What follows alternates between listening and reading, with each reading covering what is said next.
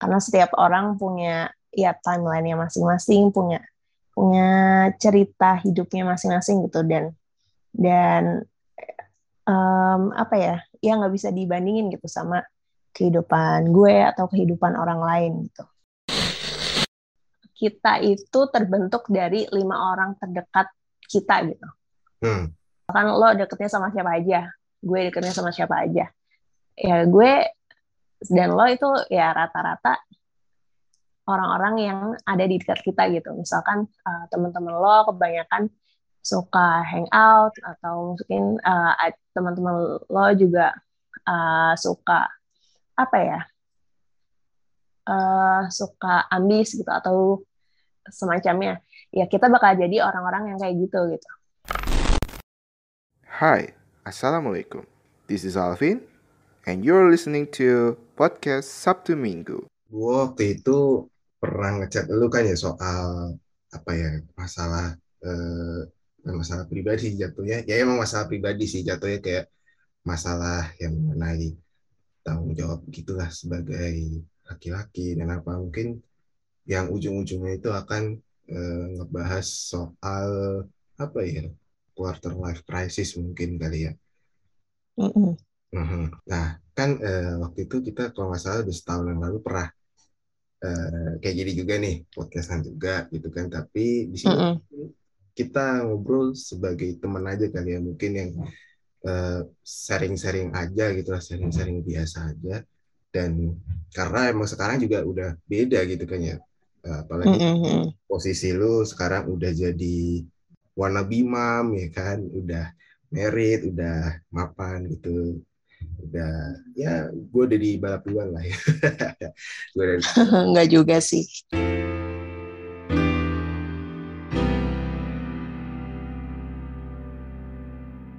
Lu mungkin eh, sebelum nikah mungkin ngalamin gini juga nggak sih? Kiel sih juga gitu kayak quarter life crisis gue bingung mau ke mana gitu. Tapi mungkin hmm. aktif sebagai cewek kali ya. Oke. Okay. kalau sebelum nikah gue gue sendiri baru tahu istilah quarter life crisis dari mungkin malah justru baru tahu tuh tahun lalu gitu oh, pas oh, okay. ada temen yang yang uh, ngomongin tentang itu gitu di di feed IG. Terus uh, gue cari tahu quarter life crisis itu apa. Oh ternyata orang-orang yang uh, mereka tuh belum tahu tujuan depannya tuh rencana hidupnya mau ngapain gitu. Terutama setelah lulus gitu. Yang paling sering tuh uh, bingung karirnya mau jadi apa gitu. Nah, uh, gue cukup memaklumi sih karena sekarang tuh kita dikasih banyak banget uh, opsi gitu. Uh, ada yang memilih untuk jadi entrepreneur, ada yang memilih untuk uh, fokus karir, terus ada juga yang memilih untuk uh, akademik, ada yang S2, terus lanjut lagi S3 gitu. Nah, uh, kebanyakan yang gue lihat dari uh, teman-teman yang mengalami quarter life crisis ini mereka karena saking banyaknya opsi gitu. Apalagi di IG kan banyak banget gitu uh, orang-orang yang nge-share apa ya achievement mereka terus uh, kehidupan mereka gitu. Nah mereka jadi bingung gitu. Uh, sebenarnya tujuan hidup gue tuh apa sih gitu. Nah uh, gue pernah ngalamin atau enggak gue kurang kurang tahu ya. Cuman yang pasti uh, sejak awal sih gue udah tahu karir pet gue mau ke arah mana. Cuman emang uh, karena ngelihat beberapa profil entrepreneur uh, karena gue lebih ke arah entrepreneurship gue ngelihat beberapa entrepreneur tuh ada yang kerja dulu terus ada yang langsung mulai uh, ya langsung terjun ke dunia bisnis gitu. Di situ gue sempet uh, agak bingung gitu. Uh, better gue kerja dulu atau langsung uh, ya, ya punya startup aja gitu, nggak usah kerja dulu. Apalagi ketika ngelihat mereka-mereka yang uh, sebelumnya kerja dulu sebelum sebelum uh, membangun bisnis tuh biasanya lebih sukses gitu. Padahal nggak juga. Padahal ya kalaupun mereka mulai bisnis tetap aja bakal ada kemungkinan untuk gagal gitu. Oke oke berarti gitu. Um, lu melihat chaos ini dari sudut pandang ini ya dari sudut pandang ketika lu bekerja gitu ya maksudnya dalam hal karir gitu ya. Tapi jadi gue mau nanya dulu nih. Uh, kata lu kan tadi orang yang terlibat di GLC itu biasanya indikasinya nih biasanya kadang dia terlalu banyak opsi kadang terlalu banyak pilihan maksudnya terlalu banyak mikir gitu lah ya terlalu mm -mm, overthinking. Ya, overthinking. Nah kayak gitu bahasa jaksel ya gitu kan bahasa gaulnya kayak gitu tuh. Gitu. menurutku maksud gue kayak ini orang parah gak sih? Maksud gue kayak kenapa lu mesti harus overthinking gitu? Maksudnya kayak wajar nggak sih orang overthinking kayak gitu-gitu. Kayak harusnya kan menurut gue sih enggak ya tapi ya ya gak bisa dibohongin juga. Kadang-kadang gue juga sering overthinking gitu sering kebawa kayak gitu. Mm-hmm. uh, gue ngeliat itu sesuatu yang wajar karena uh, kita juga apa ya setiap hari setiap detik ya setiap detik kita tuh selalu dapat informasi yang update gitu dari sosial media kita, dari WA, dari Instagram, dari TikTok dan lain-lain gitu. Nah, informasi-informasi ini yang kadang kita tuh ngerasa, waduh kalau gue nggak ngikutin ini apa ya istilahnya FOMO ya, kalau ya, kita tuh nggak fear of missing out ya. Ya mereka tuh nggak pengen ketinggalan sesuatu gitu. Yeah, Kalau yeah, ya. misalkan yeah. mereka itu, uh, misalkan mereka itu lagi di state A gitu, sedangkan orang lain udah di state C. Nah, uh, kadang tuh mereka ngerasa insecure. Bukan mereka sih kita, kita itu kadang ngerasa insecure gitu dengan hal itu. Ya merasa kayak Jadi, kurang kan ya kayak uh, aduh ya, belum mencapai satu hal ini belum mencapai ini kayak gitu gitu betul betul padahal padahal tujuan setiap orang kan beda-beda gitu. Ada yang uh, lebih ke arah apa ya? Yang orangnya tuh ada yang ambis banget gitu. Ada yang uh, dia yang penting hidup ngalir aja gitu. Atau ada juga yang uh, mereka apa ya? Ya ya udah santai aja gitu hidupnya. Hmm. Jadi balik ya. lagi ke tujuan hmm. tujuan hidup masing-masing sih. Ya ya ya ya but my problem is masalah gue itu nggak cuma muncul di satu sisi doang gitu nggak cuma kayak besok gue harus kerja jadi apa besok gue nyari duit bagaimana bukan cuma hanya ah apa itu NFT gitu gitu kayak lagi tren kan NFT gitu kan mm-hmm. soal kayak gitu masalah gue tuh nggak cuma berkembang dari situ doang gitu gue kan sebagai laki-laki mm-hmm. untuk, untuk bertanggung jawab lebih karena gue punya adik uh, yang udah semakin dewasa ya maksudnya dia aja udah sekarang udah kelas 11 gitu udah kelas 2 uh -uh. Nah, sedangkan gue umur 24 skripsi pun belum kelar-kelar gitu. Kayak hidup lu tuh dipertanyakan gitu. Kayak kayak lu habis tuh uh, harus ya uh, ini ini di samping permasalahan uh, yang terjadi ya masalah-masalah kontemporer seperti nikah cepat nikah muda atau nikah pada waktunya kerja cepat -uh. kerja pada tepat pada waktu so kayak itu soal debatable ya. Dan mungkin kalau misalkan ini kita tanyakin kita tanyain ke orang tua gitu, especially orang tua gue, pasti kemungkinan jawabnya ya ya ya you are suck gitu ya kan, you are some of like we call di beban keluarga. kalau di meme banyak tuh beban, uh, iya. beban keluarga gitu. Itu tuh kembali lagi balik lagi tuh gue pasti ngerasa kayak anjir lah gue overthinking banget gitu kayak ah iya gue gue tuh kayak gak punya hidup gitu. Gue terombang ambing gitu kayak gitu. Kalau gue lebih kayak ke situ. Gimana gue juga agak kurang cocok sebenarnya bahas sama lo gitu. Kayak malu aja gitu. Gue kenapa nanya ini ke cewek? Harusnya kan sama temen cowok gue gitu kan. Ini kan masalah gue kiasi gue kan cowok banget gitu ya. As a uh, pendewasaan diri menuju uh, apa ya karena kan gue nanti akan berkeluarga gitu. Nah menurut lu gimana sih uh, tadi yang gue obrolin itu ya uh, uh, menurut tuh gua lu ngelihat gua tuh aneh gak sih? Maksudnya sebagai cowok lu kok kenapa sampai ya, kepikiran sampai situ Vin kayak gitu? Uh,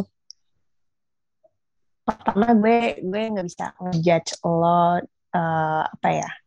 Susah juga okay, sih karena ya. gue orangnya Iya, karena iya. gue bukan tipe orang yang suka ngejudge uh, seseorang gitu.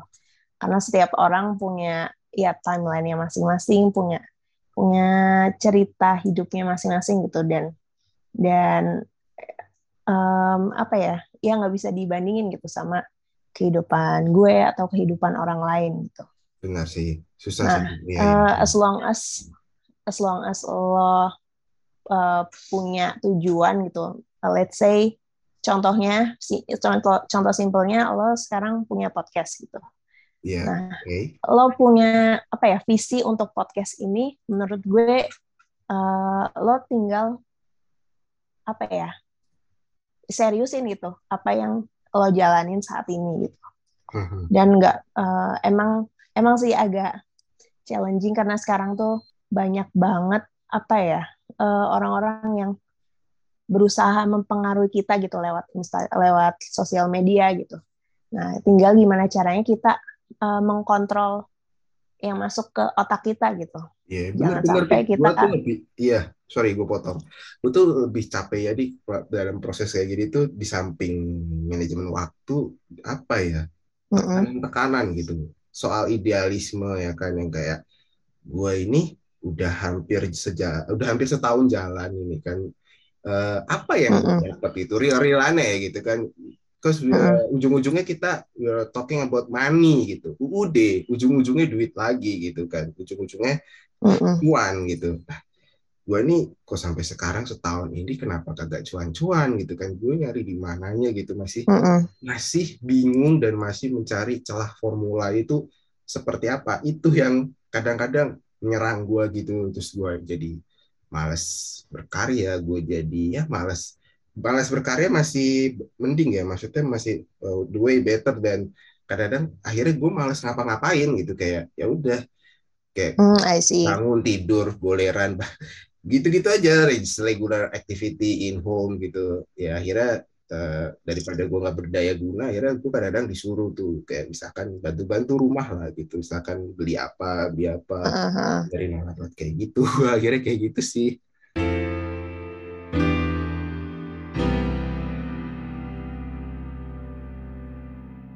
Eh, kalau kalau dari gue ya gue gue sendiri pernah mengalami satu titik jenuh di mana ya capek aja gitu me- ngelakuin hal-hal yang udah jadi rutinitas. Eh, kayak misalkan ngoding gitu ngoding terus-terusan dan ya nggak ada sesuatu yang baru. Nah yang gue lakuin gue coba cari hal yang baru yang eh, apa ya yang bisa dibilang tuh gue takut untuk ngelakuin itu gitu tapi sebisa mungkin itu juga jangan jangan eh, apa ya melanggar norma dan dan agama gitu betul tapi betul ini betul. sesuatu yang dia. kayak misalkan eh, dari dulu tuh gue pengen banget eh, ngerjain ini gitu tapi gue ngerasa selalu takut gitu takut takut gagal takut takut pokoknya banyak takutnya lah nah mungkin di situ sih hal hal-hal kayak gitu yang bikin kita tuh kadang eh gak berkembang gitu karena rasa takut itu Hmm. Ya, ya, ya, ya. Dari sini nih gue pengen nanya nih. Eh, gini, agama itu maksudnya eh, aturan-aturan agama itu eh, kita sama-sama Muslim ya, kita berdua gitu kan. Mm-mm. Gue udah gini. Kadang-kadang agama itu menurut lo tuh aturan itu ngekang apa enggak sih? Maksud gue kadang-kadang kan kayak eh, overthinkingnya lagi kembali lagi ada masalah kayak jadi gue tuh ngelanggar hukum ini enggak sih? Gue begini, gue ngelakuin ini, gue ngelakuin A, B, C dan seterusnya. Apakah nanti konsekuensinya eh, ada dengan Tuhan gue kayak gitu, ada dengan Allah kayak gitu. Sudah ada ada ada yang bikin kayak sebenarnya apa eh, orang ngeliat tuh kayak wah gila lu rebel banget, lu lu lu bandel banget, bangor banget. Tapi sebenarnya tuh dalam hati kecil tuh kayak enggak, gue tuh gak mau kayak gini sebenarnya, tapi kok enak gitu. Mm-mm. Kayak, ya akhirnya itu kayak eh, bro- eh, break the barrier gitu kayak maksud gue kayak agama tuh menurut lo tuh barrier yang benar-benar harus dipikirin banget maksud gue kayak uh, uh, uh, itu menjadi penghalang yang benar-benar gak bisa lo tembus atau misalkan ya udah way through aja go through aja tapi ya ya santai aja lu santai aja nih tapi tapi uh, dengan kearifan lu gitu dengan pendewasaan lu bahwa lu sebagai manusia muslim yang menuju dewasa gitu kan tapi ya jadi lu gak stay on the track lah bahasa gaulnya gitu bahasa keren itu mm -hmm. Uh, gue rasa sih enggak sih. Uh, I mean, karena mungkin gue juga di apa ya, uh, gue tumbuh di keluarga yang cukup cukup agamis gitu. Hmm, Maksudnya, gue juga. Uh, jadi gue, iya. Jadi jadi gue tahu gitu uh, kenapa sesuatu itu harus dikerjain gitu kayak misalkan kenapa harus sholat, kenapa harus puasa, kenapa harus lain-lain dan uh, karena gue mengetahui why-nya dari semua itu gue nggak ngerasa dikekang sama agama sih justru agama itu sendiri yang apa ya yang uh, membuat gue tuh stay stay motivated untuk hidup gitu untuk untuk ya untuk terus berkarya untuk terus melakukan sesuatu yang bermanfaat gitu yang positif untuk orang lain gitu mm -hmm. Yeah, yeah. Dan menurut gue uh, dari uh, obrolan lo tadi, menurut gue itu lo termasuk orang-orang yang masih peduli gitu dengan dengan apa ya? Karena kan ada orang-orang yang juga eh, nggak uh, peduli uh, apa yang mereka lakuin tuh sebenarnya secara agama tuh gimana sih? Oh, gitu. yeah, yeah. Dan menurut gue yang lo lakuin tuh udah bagus. Gitu. Iya iya maksudnya iya kan uh, kayak gue tuh kadang-kadang mikir uh, apa ya responsible terhadap uh, aksi reaksi gitu hukum aksi reaksi ketika lo ngelakuin ini maka yang akan dapetin kayak bakalan kayak gitu. Ketika lu ngelakuin kebaikan lu dapet yang kebaikan begitu lo sebalik ya kayak gitu kan simple kayak gitu. Itu yang kadang-kadang bikin gua uh, suka kepikiran kayak gitu.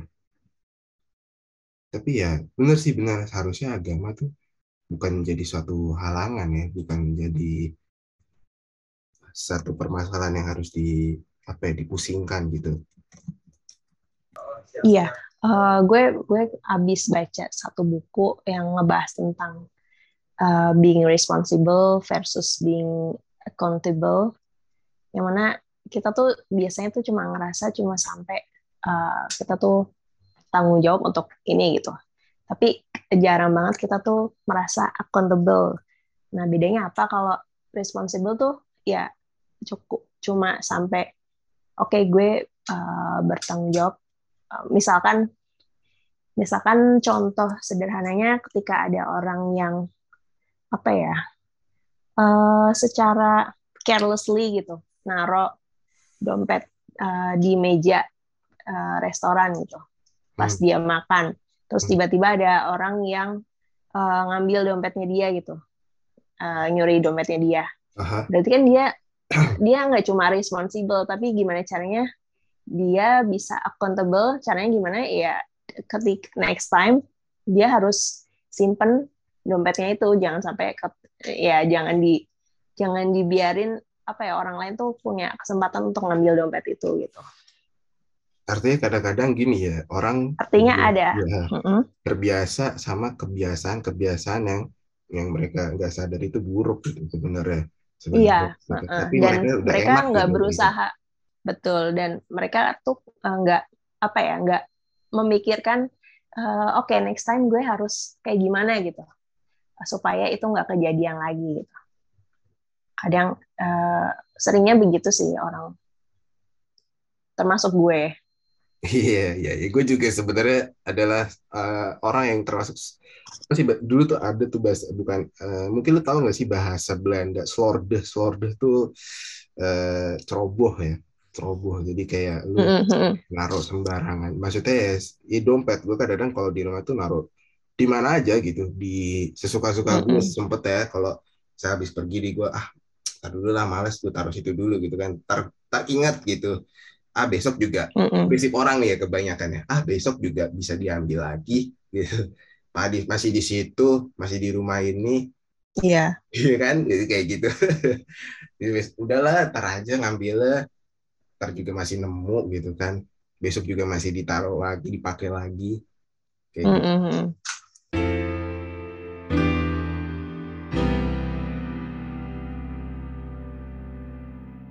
Ya, ya, ya, ya. Gue ada pertanyaan lagi nih. Gue tuh menjadi dewasa tuh sulit gak sih? Karena nih relate juga ya sama obrolan kita kali ini. Itu setiap satu kayak eh, Kias ini kan adalah bisa dibilang orang yang dalam tanda kutip belum siap dewasa gitu. Kayak apa sih? Ada tuh judul lagu tuh yang Eh, iya iya iya. lagu lagu yang Gue gue juga sering ngeliat dewasa, takut dewasa gitu. postingan iya banyak orang yang ngerasa takut apa tuh namanya adulting atau apa gitu Ya, adulting takut ya. jadi orang Adulting. dewasa ya padahal ya itu sesuatu yang itu bakal kita alamin gitu Ya, dan atau eh, lambat ya. karena Hmm. dan gue gue jujur gue tuh eh, cukup apa ya mungkin salah satu privilege yang gue yang gue punya adalah gue punya orang tua yang eh, apa ya yang ngasih gue itu banyak ilmu gitu. Maksudnya ngasih gue banyak ilmunya tuh nggak cuma eh, dari nasihat-nasihat aja tapi apa ya di rumah tuh ada banyak buku yang mana gue bisa baca banyak banget biografi orang-orang yang udah sukses gitu. Dan eh, dan karena sejak kecil gue suka dengan membaca buku ya gue nggak mengalami yang namanya apa itu KLC gitu Iya, iya. Berarti termasuk Jadi- yang lo termasuk yang ag- agak beruntung ya, atau mungkin beruntung sekali gitu dalam apa, Iya. mengalami proses pendewasaan dan hidup di Jadi- lingkungan yang sangat suportif gitu kan. jadi mungkin eh, apa ya kalau gue ngasih saran juga mungkin sarannya gimana caranya kita tuh selalu eh, memperkaya apa ya pengetahuan kita sih kayak eh, banyak baca buku atau banyak eh, oh iya gue gue inget tuh Eh, ketika kita pengen menjadi seorang misalkan kita tuh pengen jadi orang yang eh, udah sukses yang misalnya yang ada di pikiran kita tuh kira-kira umurnya 30 tahun lah sedangkan kita masih 20 tahun. Eh, gue gue pernah dapet satu nasihat gitu Eh, yang mana kita tuh perlu eh, apa ya bergaul sama orang-orang yang yang yang kita pengen gitu misalkan kita tuh pengen eh, jadi dewasa berarti kita tuh jangan banyak eh, hang out sama bukannya bukannya kita jadi apa ya jadi so, anti sosial gitu cuman Ya, ya Eh, lebih ke bukan anti sosial sih, lebih ke picky gitu ya kayak kayak ah lu Ya. eh, kayak gitu. Hmm. betul betul karena eh, dari salah satu yang gue baca ya eh, kita tuh kita itu terbentuk dari lima orang terdekat kita gitu. Hmm. kan lo deketnya sama siapa aja gue deketnya sama siapa aja. Ya gue dan lo itu ya rata-rata orang-orang yang ada di dekat kita gitu. Misalkan eh, teman-teman lo kebanyakan suka hangout atau mungkin ad- teman-teman lo juga eh, suka apa ya eh, suka ambis gitu atau semacamnya ya kita bakal jadi orang-orang yang kayak gitu gitu Ya, ya. Otomatis kayak akan ikut sendiri itu misalkan ada Mm-mm. kayak temen gue itu suka ya kalau kayak cowok sama cowok lah ya bahas-bahas seputar cewek lah kayak bisa iseng aja gitu kayak wah ini gue habis ngobrol sama cewek nih gue habis eh, apa sih istilahnya habis ngebadut nih habis ya gitulah modus-modus Mm-mm. ngechat sama cewek gitu kan biasa lah namanya juga cowok bujang gitu kan gak jelas kegiatannya pokoknya kayak gitu intinya kayak eh, share the same interest gitu kayak punya Iya. ketertarikan yang sama gitu Lima Tapi bukan itu. berarti gue ngajarin untuk itu ya. eh, apa ya? Kita tuh tetap tetap network sama siapa aja gitu. Cuman eh, yang nggak ke apa bawah ya, yang- gampang ke bawah arus gimana Bukan. ya betul. Gimana caranya kita nggak gampang terpengaruh sama eh, ya semua orang yang kita temuin gitu. Mhm. mingle but mikir gitu kayak boleh lah lu Mm-mm. bi- apa kenal sana sini tapi mikir gitu itu bagus gak buat lu itu itu ada benefitnya nggak berbahaya nggak buat lu kayak gitu ya harus Mm-mm, betul, intinya betul. intinya adulting itu sebenarnya Gue suka sih tadi istilahnya mingle tapi mikir gitu. Gue suka sih istilahnya. Iya, Mingle tapi. Itu kayaknya bisa gitu. jadi judul. Kayaknya itu bisa jadi judul podcastnya deh. bisa bisa bisa bisa thank you loh bisa bisa bisa bisa oke oke sebenarnya intinya kedewasaan itu adalah bijak ya gimana sih kita bijak ya menjadi diri sendiri gitu ya kita memandang Mm-mm. bijak dengan point of view kita sendiri tidak menyakiti diri kita sendiri gitu ya Tiko Iya betul.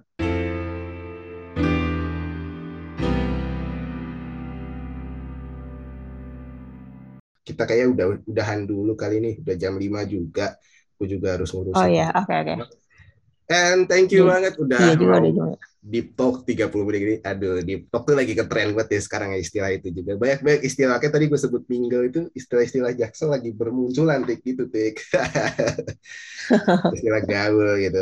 Selatan banget gitu lah. Pokoknya tapi terima kasih banyak buat tik udah mau diundang lagi ya kan. Udah mau ngobrol-ngobrol bareng lagi, udah mau sharing-sharing lagi. Thank you juga udah Hmm, undang gue. Udah mau dengerin sedikit. Gua nge-spill spill the tea ya, apa yang gue alamin dikit aja gitu kan ya. Salam juga buat Pak suami ya. Salam juga buat Kak siapa gue lupa Kak siapa namanya senior sendiri gue lupa lagi. Kaburhan, kaburhan. Kaburhan ya ya ya. Salam Kaburhan. juga. Semoga sukses selalu lah buat lo dan suami juga ya. Dan mudah-mudahan segera Amin, amin. Thank you. yo sama-sama se- segera diberikan momongan yang soleh solehah yang nantinya ya tik ya sama gitu kan. Sama kayak lo juga gitu. Amin, amin, amin. ya udah yuk. Makasih ya tik ya yuk. Assalamualaikum. Waalaikumsalam warahmatullahi wabarakatuh.